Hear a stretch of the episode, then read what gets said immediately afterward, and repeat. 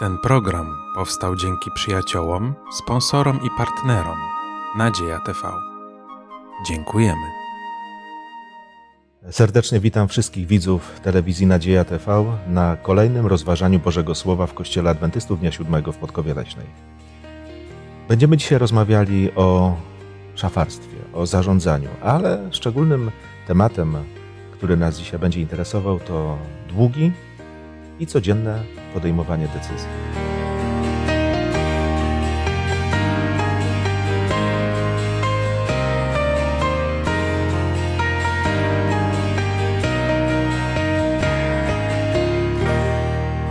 Razem ze mną w rozważaniu Bożego Słowa biorą dzisiaj udział Ewa, Małgosia, Igor, a ja na imię mam Mariusz.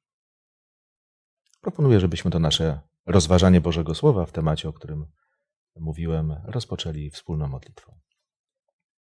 Panie nasz i Boże, bardzo Ci dziękujemy za przywilej bycia tutaj, za przywilej studiowania Twojego Słowa, wspólnej rozmowy i bardzo Cię proszę o Ducha Świętego dla nas teraz i dla tych, którzy nas słuchają, oglądają. Daj nam, Panie, proszę, Twoją mądrość, Twoje słowa i Twoje myśli. Amen. Amen. Poruszamy dzisiaj bardzo, myślę, że bardzo życiowy temat. Mówimy na temat długów.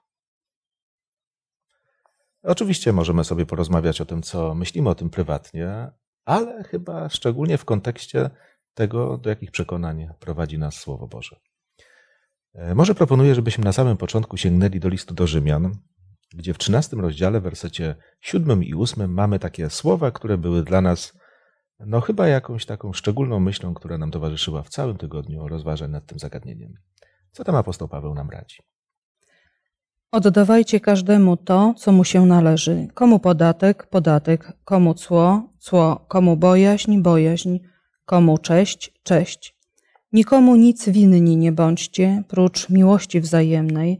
Kto bowiem miłuje bliźniego, zakon wypełnił. E, szczególnie ważne te słowa są w, w temacie, o jakim rozmawiamy. Czyli tak, oddawajcie każdemu to, co mu się należy. Jeżeli mówimy o długach, o zaciąganiu zadłużenia, to żeby tutaj być uczciwym, przede wszystkim ta kwestia. I apostoł podkreśla kolejną sprawę. Nikomu nic winni nie bądźcie. Jeżeli sytuacja życiowa nas zmusi do pewnego zadłużenia, to żebyśmy uporządkowali tę sprawę. Do tego nas nawołuje.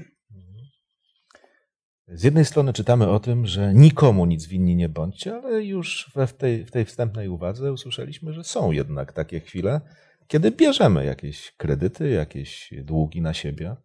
E, w jakich okolicznościach jest to dopuszczalne? Jak myślicie? No to, jest, to jest bardzo trudne, żeby zadecydować, ale dla chrześcijanina myślę, że Biblia przedstawia tak dużo wiele rad o tym, o opanowaniu, o, o tym, żeby opanowywać rządze, żeby opanowywać siebie. Studiowaliśmy przez ostatnie parę tygodni w ogóle temat szafarstwa i to szafarstwo, tego szafarstwa Bóg chce nas nauczyć. E, I w kontekście długów to jest takie rozróżnienie pomiędzy e, tym, czy zaspokajamy faktycznie potrzebę, czy zaspokajamy swoją zachciankę, albo e, po prostu chcemy coś mieć, czyli czy jest nam coś bardzo potrzebne do życia, niezbędne, czy jest nam coś zbędne. I faktycznie, szczególnie w obecnych czasach, y, są sytuacje, mogę sobie wyobrazić sytuację, kiedy to zaciągnięcie długu jest konieczne, czy to przy kupowaniu domu, czy po prostu czegoś, co jest nam naprawdę niezbędne, leki, cokolwiek. Ale tutaj z, z ogromną, y, gorliwą modlitwą, z radą Biblii, trzeba to robić, y, żeby podejmować mądre i zgodne z wolą Bożą decyzje. A jakie niebezpieczeństwa widzicie właśnie w takim e, decydowaniu? To jest ta chwila, kiedy mogę się zadłużyć. No ja myślę, że e, znowu każda osoba, która miała większy dług, e, może powiedzieć, no ja miałam długi przez lat ponad 20. Jestem od miesiąca dopiero szczęśliwą nieposiadaczką żadnego długu. I to, w jakim stresie człowiek żyje, w jakim, w jakim niepokoju. I znowu, chrześcijanom jest łatwiej mimo wszystko, bo jest to zaufanie do Boga, do Jego prowadzenia. Natomiast niestety, no, otaczają nas różne sytuacje. Y, kurs franka teraz w Polsce jako problem, strata pracy. Jeżeli dług nam wisi nad głową, to odbiera nam spokój. i może też wpływać na nasze relacje z Bogiem. W różny sposób możemy zacząć mieć pretensje do Boga. Dlatego jest tak ważne, żeby te decyzje z Bogiem podejmować. Czasami może być wręcz odwrotnie, prawda, że, że taki dług może motywować właśnie człowieka, żeby naprawdę trzymał się Boga, bo ma problemy, tak? No właśnie dlatego, że jeżeli ktoś żyje z Bogiem, to wtedy tak, tak stara się problemy rozwiązać. Natomiast y, dla mnie też jest istotne, że, że taki dług y, po prostu y, w jakiś sposób człowieka trzyma przy życiu, przy, przy ziemi, prawda?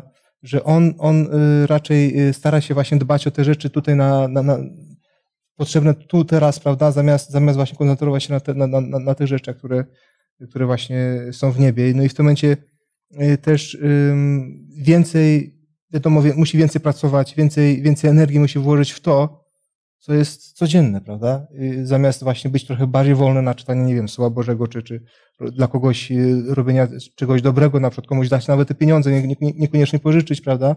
Więc nie ma takich możliwości taka osoba, tak? Więc, więc jest wiele aspektów y, właśnie w zadłużaniu się, które naprawdę w zasadzie ograniczają człowieka i to czasami bardzo mocno, tak? I, i oczywiście tutaj jak najbardziej właśnie ten aspekt duchowy jest wręcz no, jeden z ważniejszych aspektów, dlaczego nie powinno się w zasadzie zadłużać w jaki sposób musimy rozstrzygać w życiu właśnie, kiedy to jest ten moment, mm. kiedy się zadłużamy, a kiedy nie.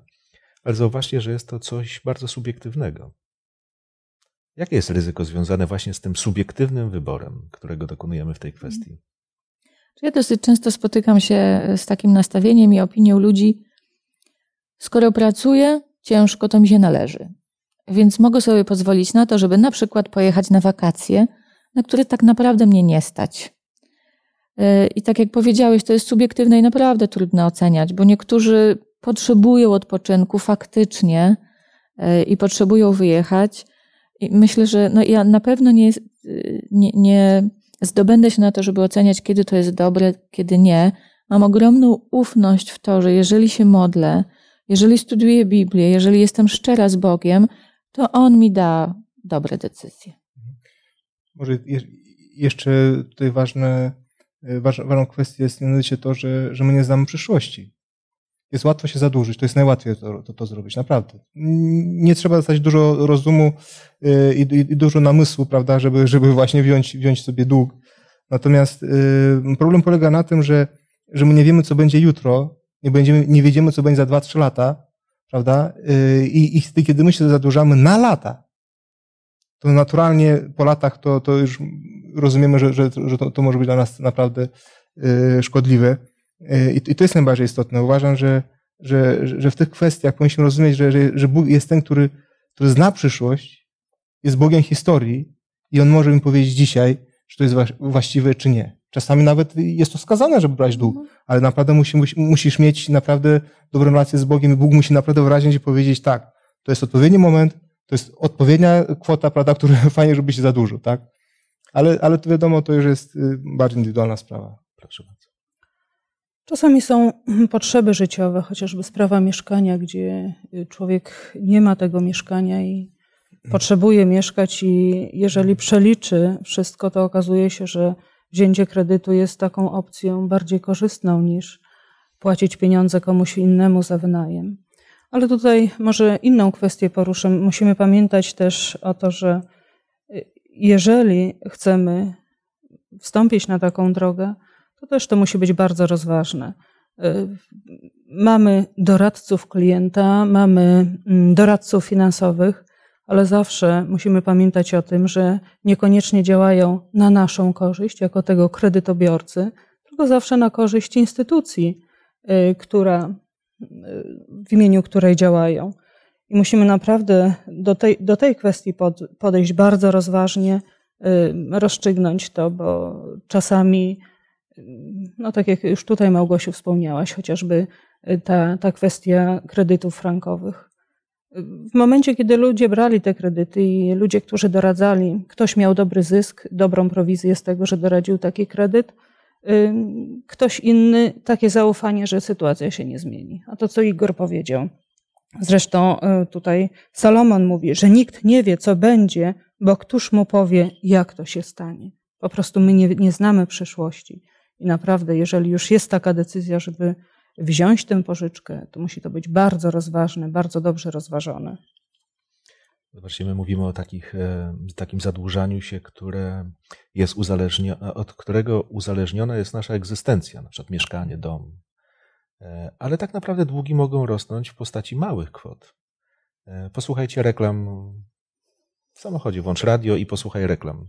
Nie musisz płacić przez pół roku, a później zapłacisz tylko pół ceny, a spłacimy wszystko z nawiązką, tylko że e, tutaj jakaś kwota, tam jakaś kwota i człowiek się budzi nagle w rzeczywistości, w której już sobie nie radzi ze spłatą. Bo chce. Właśnie, potrzebuje czy chce. Jest naprawdę wiele, wiele takich sytuacji, na które. Ja może nawiążę do takich e, życiowych chwil. Chcesz kupić komputer. Jaki komputer kupisz? Wiecie, że mnie kiedyś, mnie kiedyś sprzedawca obudził. Mówi, proszę pana, a do czego panu ten komputer jest potrzebny? No ja mówię, do tego, tego, to, to może pan taki wybrać. Ale on nie miał takiego procesora, o którym ja myślałem. On miał tylko zintegrowaną kartę graficzną. No i co z tego? Ale ja nie potrzebuję więcej. I mogę mieć taniej.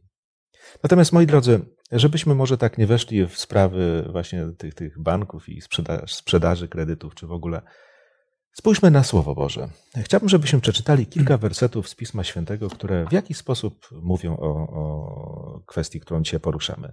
Może Igor, sięgnij do Psalmu 37 i przeczytaj werset 21. Małgosiu, Księga Kaznodziei Salomona, 5 rozdział, werset 4. I Ewo, jeżeli mogę Ciebie prosić, 28 rozdział 5 Księgi Mojżeszowej, 44 i 45 werset. Mm. Czytam z Psalmu 37, 21 werset.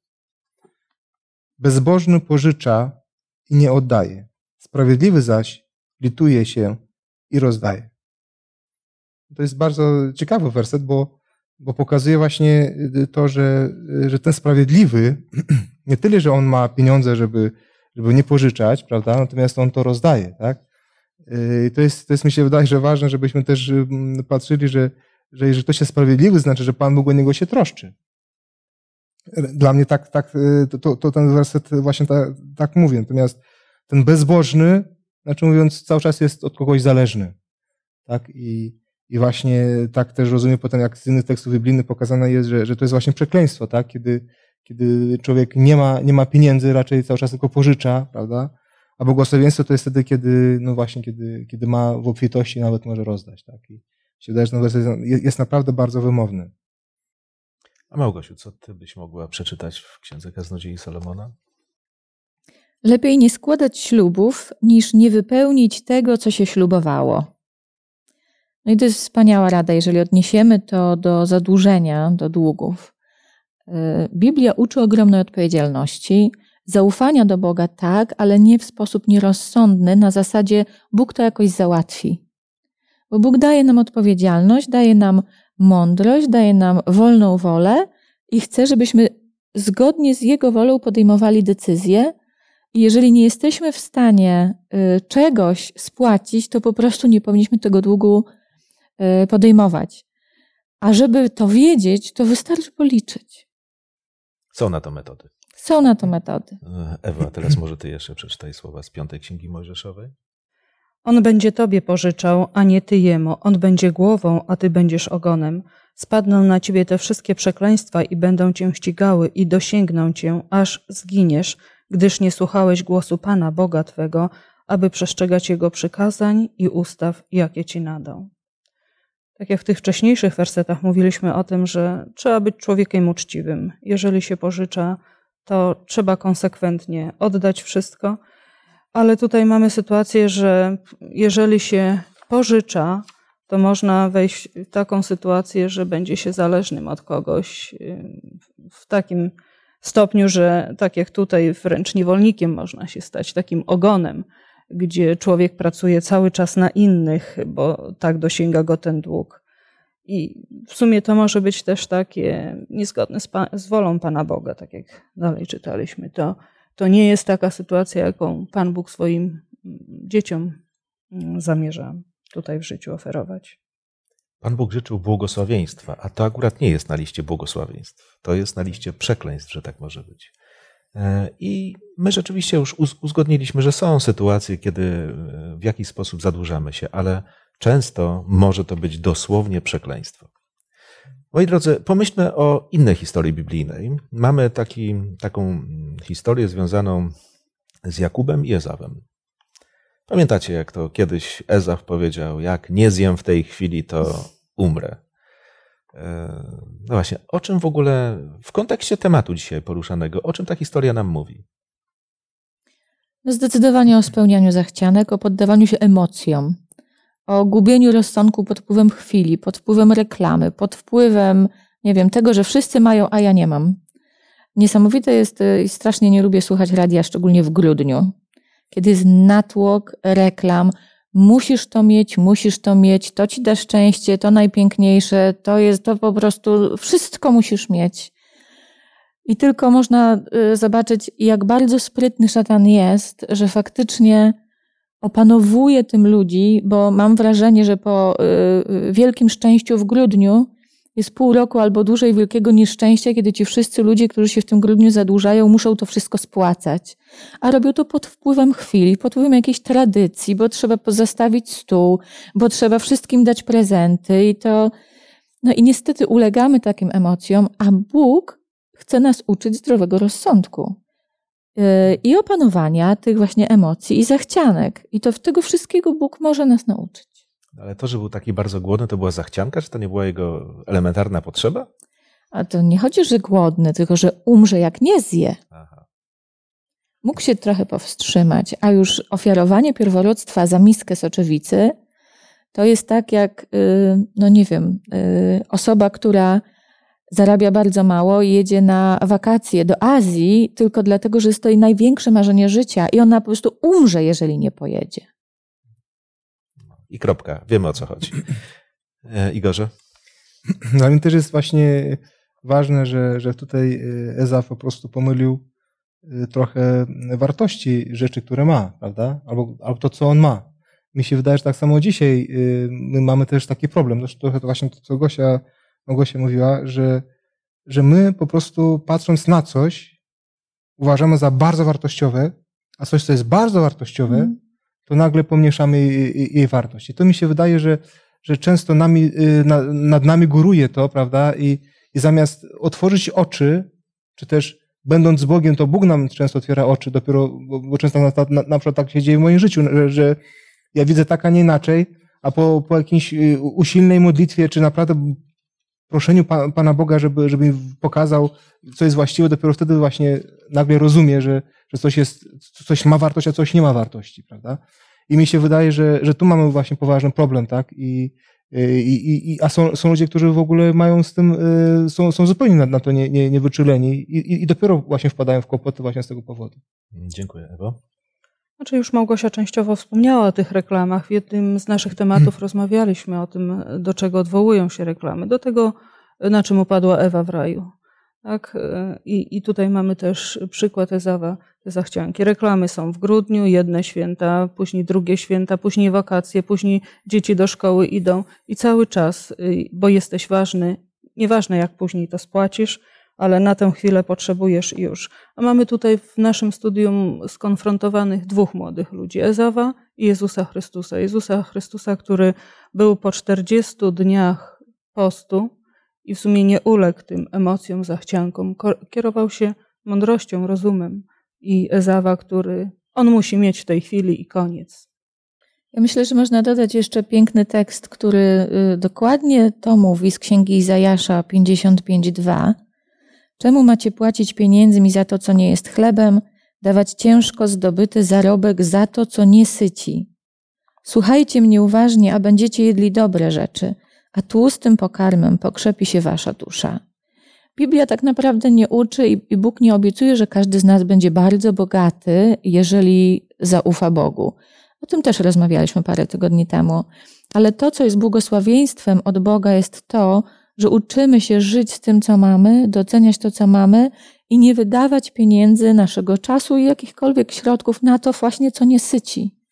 I to rozróżnienie pomiędzy tym, co dobre, wartościowe, a tym, co nie warte e, naszych środków, uczy Bóg przez Słowo Boże. Zobaczcie, wydajemy nie tylko na rzeczy niewartościowe, ale wydajemy czasami pieniądze, pieniądze których nie mamy. Kiedyś ktoś, taki znajomy mój powiedział e, tak, że jak pożyczamy pieniądze, to pożyczamy cudze, ale oddajemy swoje. E, I to rzeczywiście może boleć. Ale patrząc właśnie na Pana Jezusa, to co mnie naprawdę zachwyca, to to, że to było Jego życie, słuchajcie. On, to On był głodny, to On był spragniony, ale nie żył, nie żył tylko dla siebie. Nawet w tej historii to widać. Miał jakiś nadrzędny cel. E, ale takich przykładów, które mówią o tym, że szybkie zaspokojenie, zaspokajanie własnych pragnień jest e, niebezpieczne, mamy w Piśmie Świętym bardzo wiele.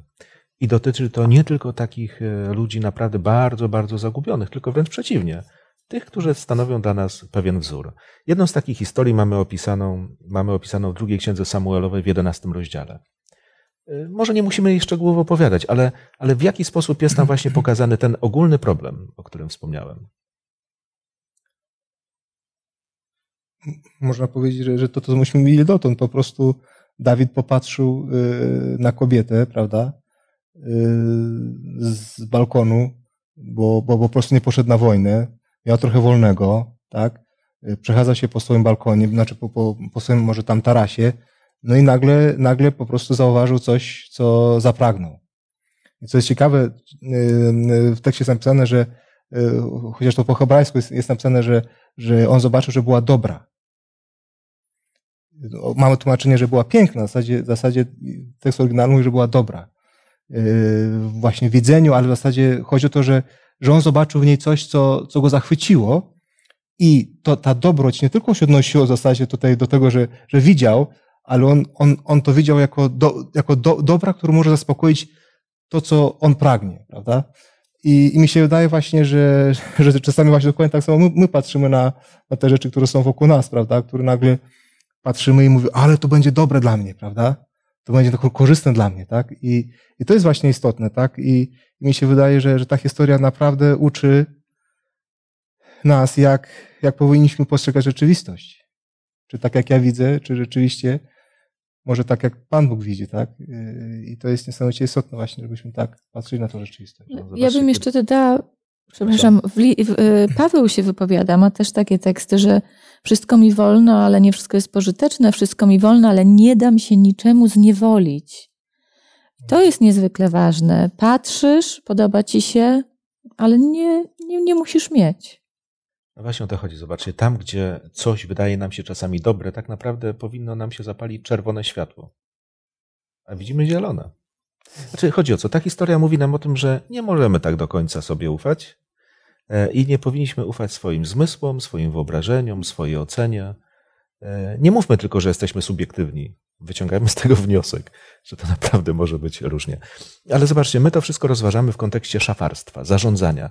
W jaki sposób właśnie to, to, to szafarstwo, takie właściwe, biblijne, może nas ustrzec przed niebezpieczeństwami, o których mówimy? Szafarstwo to co? To właściwe zarządzanie tym, co posiadamy.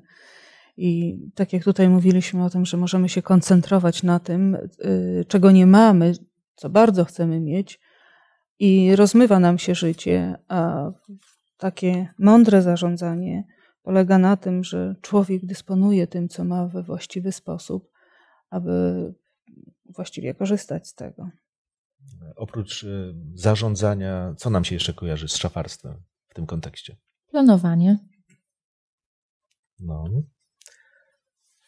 Co jeszcze? I na przykład stawienie pewnych priorytetów w życiu. Tak, co, co dla, mnie, dla mnie jest ważne, co jest mniej ważne. I w tym momencie wiadomo, że, że w tym momencie tak e, układając w życiu wszystkie rzeczy, mówię, mówię o tych rzeczach materialnych, wiadomo, że zawsze Bóg jest na pierwszym miejscu, natomiast nie chodzi mi o to, e, prawda, że Bóg jest na, pierwszy, na pierwszym miejscu, tylko mi chodzi o to, że, że, że wtedy, kiedy na co dzień tych spraw ziemskich, prawda, Yy, chce ich organizować, chce, chce właśnie podejść, żeby, żeby po prostu mógł właściwie to postawić każdy, każdy na, na, na, swoim miejscu, tak? I w tym momencie wszystkie inne rzeczy tak, też tak samo się ułoży.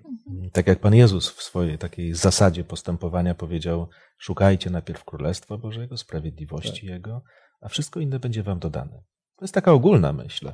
Ale zobaczcie, ten sam Jezus uczył bardzo konkretnie na temat właśnie, który dzisiaj poruszamy. Na przykład w Ewangelii według świętego Łukasza, w 14 rozdziale od e, wiersza 27 do 30 mówi już bardzo wyraźnie, jak należy traktować życie. Kto nie dźwiga krzyża swojego, a idzie za mną, nie może być uczniem moim. Któż bowiem z was, chcąc zbudować wieżę, nie usiądzie najpierw i nie obliczy kosztów, czy ma na wykończenie? Aby gdy już położy fundament, a nie może dokończyć, wszyscy, którzy by to widzieli, nie zaczęli naśmiewać się z niego, mówiąc: Ten człowiek zaczął budować, a nie mógł dokończyć. No ja po przeczytaniu tego tekstu mogę tylko powiedzieć, jak bardzo ten świat od Boga odszedł, bo rozglądając się y, wszędzie naokoło mogę y, spotkać niedokończone domy. I słychać, y, słyszy się historie o wręcz zajętych domach przez banki, o niespłaconych długach. Nie planujemy i wiele osób nie planuje. I tu jak bardzo Bóg mówi o planowaniu, ale też w kontekście poświęcenia, zaparcia się siebie, czyli tego poświęcenia własnych zachcianek, może nawet potrzeb czasami, na rzecz posłuszeństwa Bogu e, i na rzecz życia z Bogiem. Z wieloma osobami rozmawiałam, którym życie e, rozmyło się w związku z tym, że nie planowali swojego budżetu. Przede wszystkim to jest bardzo ważna sytuacja w życiu, kiedy wiadomo, ile się ma środków i ile się wydaje, żeby to zaplanować, chociażby w skali miesiąca. Czasami jest problem, żeby to ująć, więc być może dobrze to zrobić na piśmie, zaplanować przede wszystkim swoje podstawowe wydatki, czyli pierwsza sprawa na opłaty różne, czynsz, energia, telefon, wszystkie rachunki Później to, co pozostaje do życia, żeby to też rozplanować mądrze, ale jeżeli można też odłożyć. Rozmawiałam z wieloma ludźmi, którzy nie robili tego, którzy spełniali te swoje potrzeby, jak się im wydawało, nie robili w tej kwestii ważnych kroków i naprawdę później trudna sytuacja życiowa ich y, dobiegła. Ja miałam takie doświadczenie już wiele, wiele lat temu, jak tylko zaczynałam pracę z bardzo skromną pensją, ale jakoś dawałam sobie radę. Y, byłam świeżo po ślubie i w pewnym momencie były jakieś wyrównania pensji. Dostałam w firmie podwyżkę większą niż była pensja mojego męża. Y, miałam długi i byłam pewna, że teraz z taką pensją to ja zawojuję świat. Parę miesięcy później miałam jeszcze większe długi niż miałam wcześniej z tą małą pensją.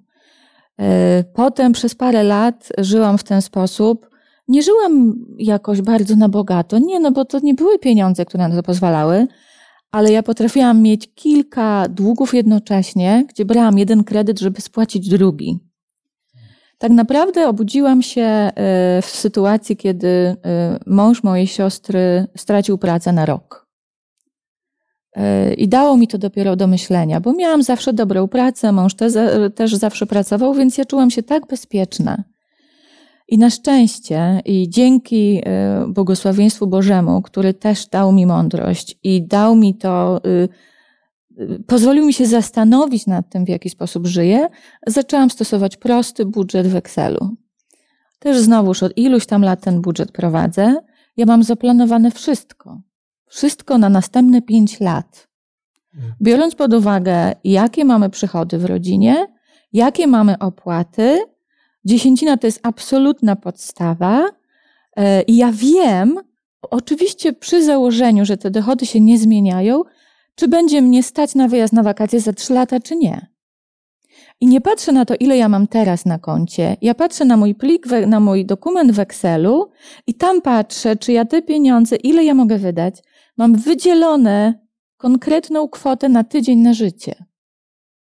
I jeżeli coś przekroczy, to w następnym tygodniu żyję skromniej, żeby się wyrównało. Szacunek. Naprawdę. I to, to jest może nawyk, ale dzięki temu nawykowi, to już się chwaliłam wcześniej, po raz pierwszy, po, po naprawdę wielu latach spłacania tych długów, które przez kilka lat naprawdę o wiele krócej się zadłużałam niż spłacałam, Po raz pierwszy w tym roku jestem osobą bez żadnego długu. I to jest tak ogromne błogosławieństwo, to jest takie odetchnięcie, to jest takie, ja poczułam, jak bardzo byłam niewolnikiem tych swoich długów. Nieposiadanie żadnego długu to jest takie, wydawało mi się, że wcześniej ufałam Bogu, ale ta wolność, jaką mam teraz, i znowu tylko dzięki Bogu, te, dzięki temu, jak bardzo tego szafarstwa mnie nauczył, nie dlatego, że mam większe dochody, tylko nagle potrzeby mam mniejsze. Bo nagle uczy, że wiele rzeczy, które wcześniej wydawały się niezbędne, są kompletnie zbędne. Igorze. Ja, ja tak perfekcyjnie nie żyję. znaczy nie, nie, nie, nie zaplanowałem, nie mam zaplanowałem taki, taki budżet, ale to jest istotne, żeby, żeby, wiecie, zawsze w rodzinie był ktoś, kto, kto to myśli. bo, bo czasami właśnie spotykam tak, że, że, mm, że właśnie ani mąż, ani żona, y, no, nie, też nie ma tego głowy, ale, ale w zasadzie nie wie, nie wie jak, jak sobie z tym poradzić, prawda?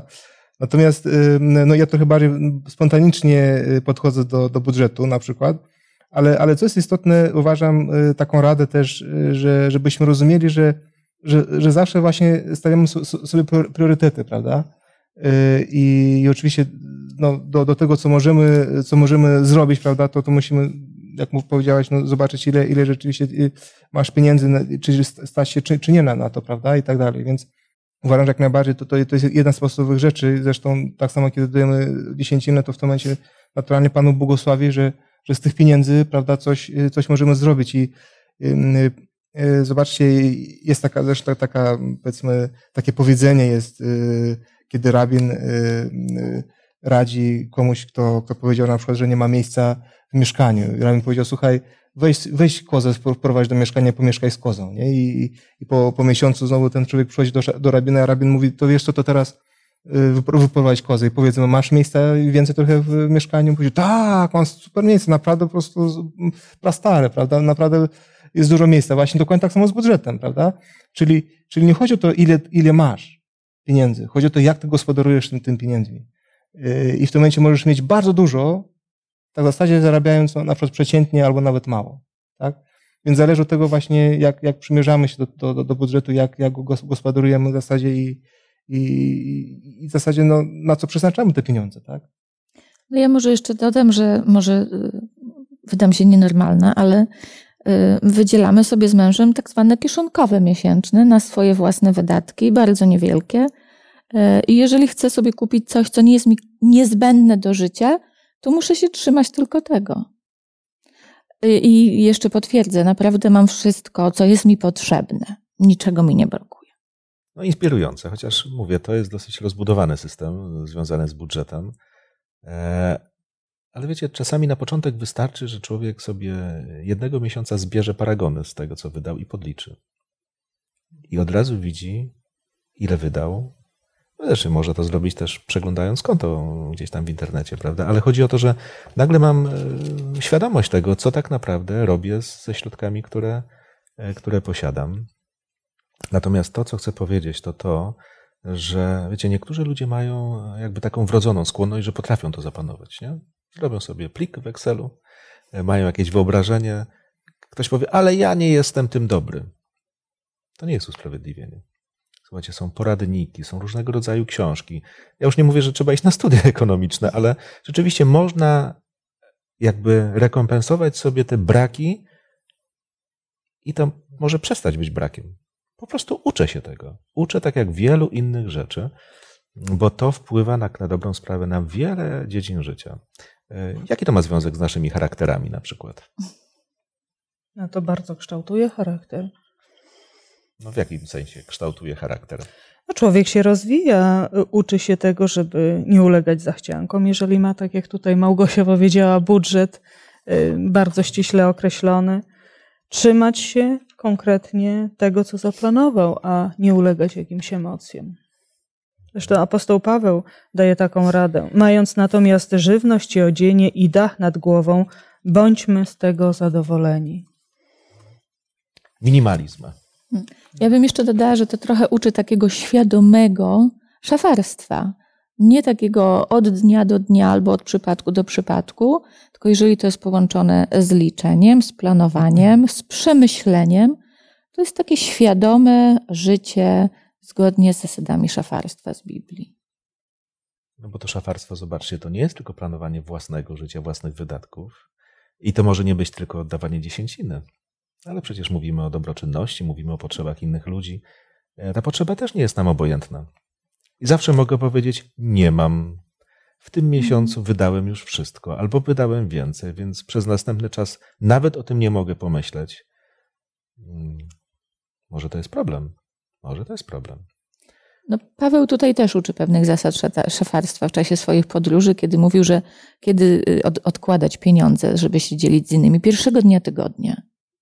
Czyli nie dawać to, co ci zostanie po całym tygodniu życia, tylko najpierw pierwszego dnia odkładać, a potem ten tydzień przeżyć. I można. I można. Także naprawdę bardzo, bardzo praktyczne rzeczy, o których mówimy. Mamy na przykład takie słowa: Łatwo zdobyty majątek maleje, lecz kto stopniowo gromadzi, pomnaża go. W praktyce co to oznacza? No zawsze niestety przychodzi mi tutaj do głowy wszelkie wygrane, o których mnóstwo ludzi marzy. E, I też czyta się o przypadkach, kiedy ci ludzie, którzy wygrają duże kwoty pieniędzy, tracą je bardzo szybko, marnują sobie życie i wiele osób potem w ogóle żałuje, e, że wygrało. To jest jedno z takich, wydaje mi się, przekleństw. Człowiek musi się nauczyć zarządzania pieniędzmi, tak jak e, takiego świadomego zarządzania czymkolwiek. Jeżeli nagle Y, nawet z czasem, jeżeli zwykle mamy 5 minut, a nagle mamy 5 godzin, to mamy tendencję do zmarnowania tego czasu. To samo jest z pieniędzmi. I Bóg też, tak jak w ogóle w rozwoju naszego chrześcijańskiego życia, uczy nas krok po kroku coraz bliżej być Boga, tak samo w dysponowaniu pieniędzmi, czasu, czymkolwiek innym, no, najlepiej się uczymy powoli. I doceniamy też wtedy to, co mamy. Powoli to jest jedno, natomiast chyba to się wiąże z tym, żeby rzeczywiście być też cierpliwym. Ludzie mają fortuny, ale ludzie chcieliby mieć fortuny z dnia na dzień. Natomiast prawda jest taka, że historia pokazuje, że fortuny, które powstawały, często powstawały przez wiele pokoleń. Natomiast e, rzeczywiście chcę już teraz, muszę mieć. E, to nie są dobrzy doradcy, bo to rzeczywiście często generuje wiele, wiele problemów. E, moi drodzy, e, bardzo Wam dziękuję za te, wydaje mi się, bardzo takie życiowe i, i, i praktyczne myśli, które zostały wyrażone. Myśli, które niewątpliwie są wyraźnie też osadzone w Piśmie Świętym. To zarządzanie tym, co mamy, tym, co możemy mieć, jest naprawdę bardzo, bardzo ważne. E, wiąże się z naszym chrześcijaństwem, wiąże się z naszym charakterem, który albo staje się silny, albo jesteśmy po prostu podatni na powiewy różnego rodzaju zachcianek i pragnień. Tak czy inaczej, naprawdę warto, warto się w tym wszystkim e, i rozeznać, i rozwijać, abyśmy byli naprawdę uchronieni od chyba nawet niewoli, którą może spowodować złe korzystanie z dóbr, które mamy. Ale tak jak powiedziałem, kończymy nasze rozważanie. Chciałbym, żebyśmy e, zakończyli je też wspólną modlitwą. Panie Boże, dziękuję Tobie za to, że Ty błogosławisz nam codziennie, że Ty się troszczysz o nas, Panie, że, za to, że Ty cały czas zachęcasz nas, abyśmy najpierw szukali Ciebie, a wszystko inne, Panie, o Ty, to Ty będziesz o to się troszczył. Daj, Panie, aby to utkwiło w naszych umysłach, w naszej świadomości, Panie, abyśmy mogli właśnie w tych może ziemskich sprawach nawet szukać Ciebie. Panie, żebyśmy zawsze pytali, że o, o wszystkich rzeczach, które mamy decydować, decydować się z Tobą. Panie Boże, proszę, abyś błogosławił nam wtedy, kiedy myślimy o to, gdzie mamy jakieś pieniądze wydać, na co.